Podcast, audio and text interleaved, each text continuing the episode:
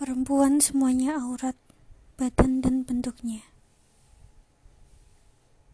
Maka tidak boleh membukanya kecuali bila ada darurat atau kebutuhan seperti untuk menyampaikan persaksian atau karena ada penyakit di badannya.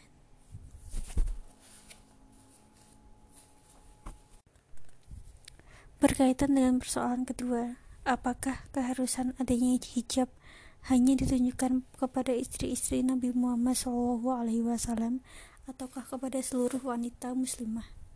Para ulama yang berpendapat bahwa seluruh tubuh wanita adalah aurat memahami ayat di atas berlaku umum mencakup semua wanita muslimah.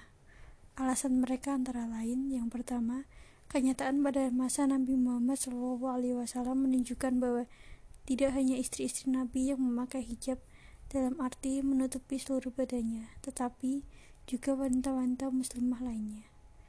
Yang kedua, adanya larangan memasuki rumah Nabi Shallallahu Alaihi Wasallam tanpa izin bukan berarti larangan itu hanya khusus buat rumah Nabi Shallallahu Alaihi Wasallam, melainkan juga buat rumah semua orang.